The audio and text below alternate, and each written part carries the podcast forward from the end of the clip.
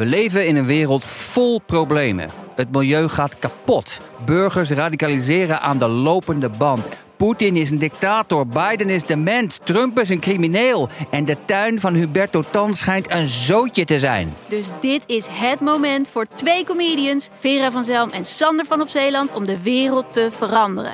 Alles moet anders. Alles moet anders.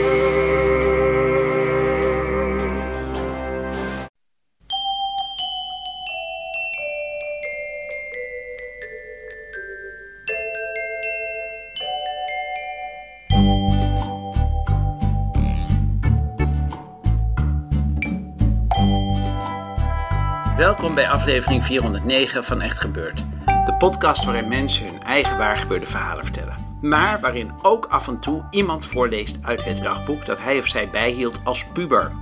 Deze week het puberdagboek van Tessa Bouwman.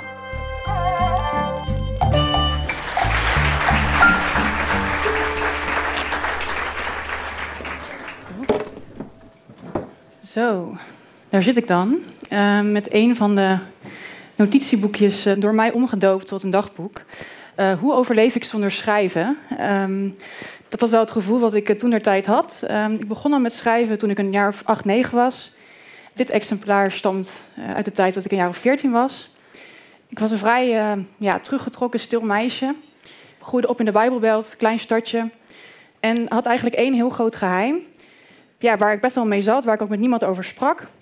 En eh, mijn uitlaatklep was het schrijven. En ja, ik ga dit geheim vandaag met jullie delen. En begin in eh, maart 2008. Hier was ik ongeveer 14. En nog een kleine noot vooraf. Ehm, ik gebruik wat afkortingen eh, in het eh, fragment dat ik ga voorlezen. Dat zijn namen van docenten, maar dan dus met afkorting. Hi, wat gaat de tijd toch snel zeg? Nu is het alweer bijna april, morgen. En Fadema is morgen jarig en Iris woensdag. Gezellig. Van de week heb ik ook nog onderzoeksweek. Best leuk, alleen die presentatie, dat wordt een ramp. En we hebben JE als begeleider. Hoezeer kun je het treffen? Not. Ik had veel liever RS gehad. En dan ondertussen wegzwijmelen bij haar prachtige blauwe ogen en mooie glimlach. Zij is gewoon het toppunt van knapheid. En ze is al getrouwd en heeft kinderen. En VB is ook weer zwanger, van haar vierde kind alweer. Ik wil later echt geen kinderen. Ik ga lekker op mezelf leven zonder gezeik van anderen. Daar kan ik namelijk vreselijk gefrustreerd van raken. Maar nu ga ik slapen voor ik nog meer gezeik ga ophangen. Nou, misschien hebben jullie al een idee waar dat geheim over gaat.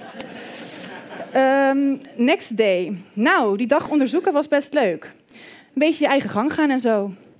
Vandaag was VB onze hoofdbegeleider, dus elke keer als je wegging, moest je dat bij haar melden. We hebben best veel gedaan. Naar Wageningen geweest, chocolade gekocht, enquête gemaakt. En ik heb ondertussen stiekem naar ES zitten kijken. Bij de opening, in de lerarenkamer, met het eindigen.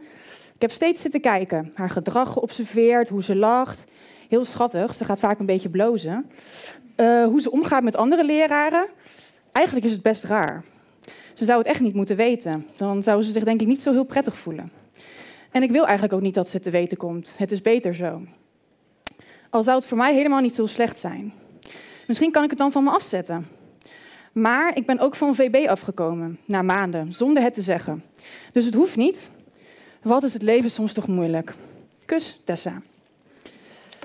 Zo, dan gaan we naar het volgende fragment. Uh, even kijken, dat is volgende dag. Jeetje, het deed me eigenlijk best wel goed dat RS en VB er allebei niet waren vandaag. Kon ik even alle remmen losgooien.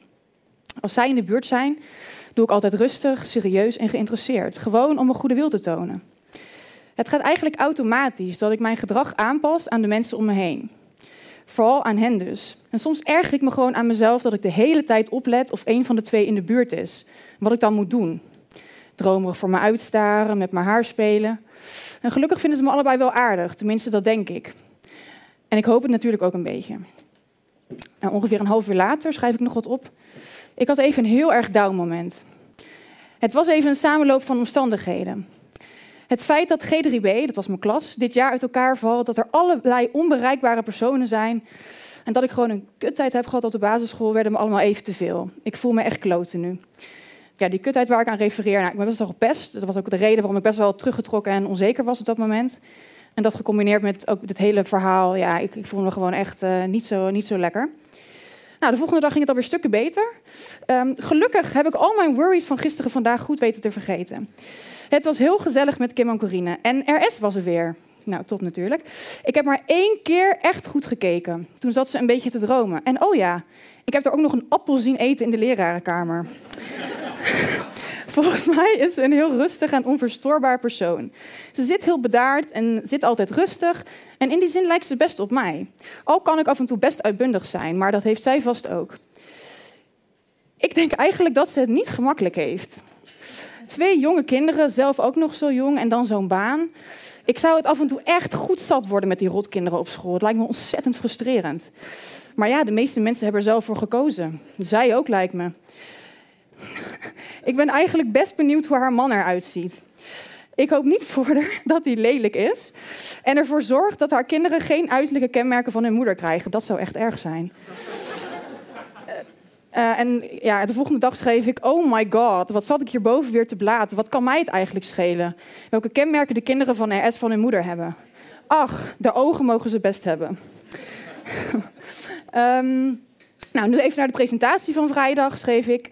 Ik stond daar echt enorm te trillen. Ik vond het echt doodeng en ik heb onze presentatie verneukt. Maar wel complimenten van VB, B en HF. Ze vonden ons onderwerp en het filmpje heel leuk. En VB vond het allemaal heel leuk, klinken wetenschappelijk ook. En uh, ik hoop wel dat we een beetje een goede beoordeling krijgen, maar dat zal vast wel. Nu lekker slapen en dromen. Uh, we gaan nu een kleine sprong in de tijd maken, net voor mijn 15e verjaardag. Nou, ik had het nu de hele tijd over RS. Ja, de VB hebben we ook al een paar keer voorbij zien komen. Um, de VB heeft me weer te pakken. Opnieuw ben ik gegrepen door haar mooie blonde haar, fonkelende blauwe ogen en witte tanden. En die lach, zucht.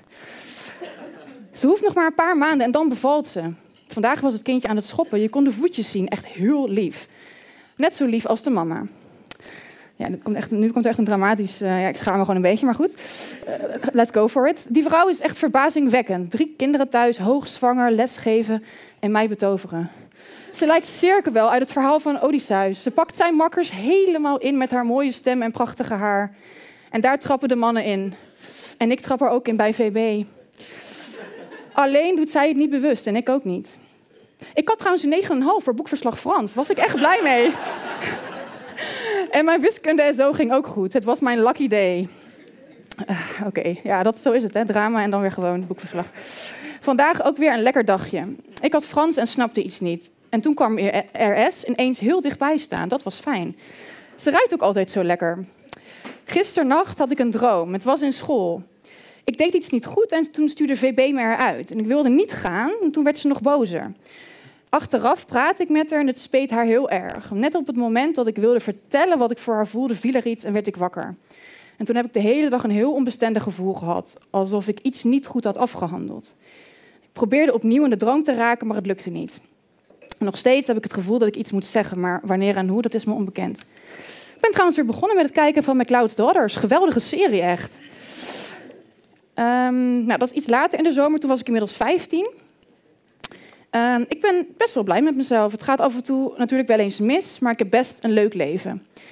Behalve dan de kwestie VBRS. Dat was, is nog steeds kloten.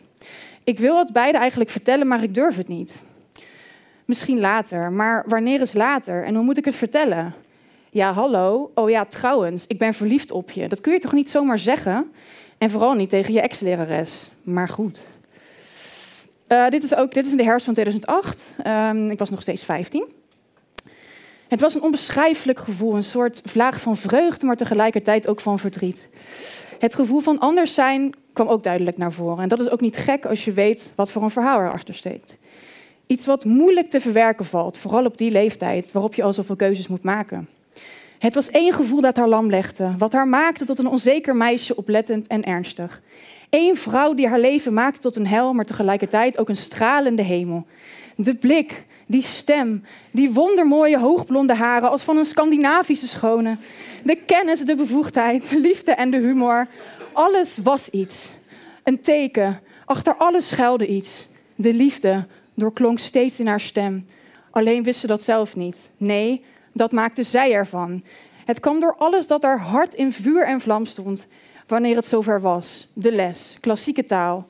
Even wonderschoon als zij van het verhaal. Maakte zij een epos dat haar hart liet kloppen. De lach die ze had, liet haar hart smelten, tot het plots het gevoel plaatsmaakte voor schaamte. Het kan niet. Echt niet. Dat weer klonk steeds door haar hoofd. Er moest iets anders zijn. Iets mooiers. En ja, het verlangen was sterk. Haar geur drong diep door in haar neus en haar stem vond haar hart en dat smolt. Opnieuw een gevoel van schaamte. Te oud, te mooi. Een vrouw. En steeds de liefde. Hij is onmogelijk. Het verlangen te vertellen dat ik van je hou, ondraaglijk. Maar de liefde, die hoeft niet te spreken. Die voel je.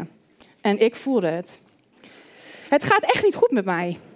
Ben ik eindelijk na maanden af van mijn crush op RS, word ik weer verliefd. Maar ja, ze is ook wel erg mooi. Heel anders dan RS en VB. Deze waren beide blond. LN is donkerder, heeft mooie bruine ogen en een enorm schattig Brabants accent. Ik ben van plan haar wel in te lichten over mijn liefde voor haar. Ik ben al een beetje op weg, want ik heb haar al wat gedichten gestuurd en ik heb een reactie ontvangen. Ik heb gelijk geantwoord. Ik heb ook een soort aanzet gegeven tot verdere gesprekken. Ik heb namelijk gezegd dat ik het afgelopen jaar moeilijk had met mezelf. En ik hoop heel erg dat ze gaat doorvragen en dat ik het dan kan vertellen. Het is eigenlijk best wel een beetje sneu als ik dat zo lees. Uh, een paar dagen later. Vandaag had ik er bijna een mail gestuurd met mijn gevoelens voor haar. En ik ga, als het dan nog niet over is, ga ik het in de kerstvakantie vertellen. En dan vraag ik ook of ze alsjeblieft zo snel mogelijk wil antwoorden. Zucht. Nou, een week later heb ik daadwerkelijk de stoute schoenen aangetrokken. Um, ik ben gek, schrijf ik. Ik ben gewoon gestoord. Ik heb LN gewoon een mail gestuurd waarin ik heb verteld dat ik verliefd op haar ben. Ik ben benieuwd wat ze gaat antwoorden. Het zal wel meevallen, hoop ik. Ik trilde echt als een gek toen ik hem verzond, maar nu gaat het wel weer goed. Nou, de volgende dag. Ze heeft niet geantwoord. De reden dat ik thuis bleef vandaag van school was dat ik niet goed werd van de spanning van haar antwoord. En nu heb ik haar morgen het zevende uur. Ik hoop dat ik haar nog kan aankijken.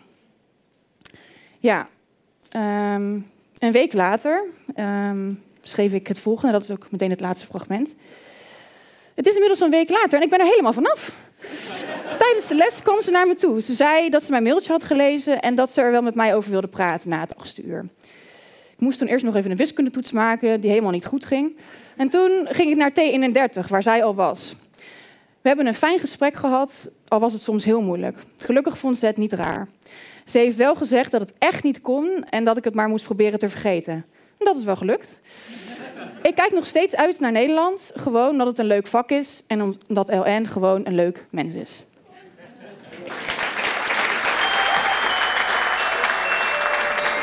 Dat was Tessa Bouwman, die vorige maand bij ons in Comedy Club Toemler voorlas uit haar puberdagboek. Tessa schrijft nog steeds veel en graag. Inmiddels ook beroepsmatig als historicus en digitaal specialist voor onder andere het herinneringscentrum Kamp Westerbork. Meer informatie over haar vind je op digitessa.nl.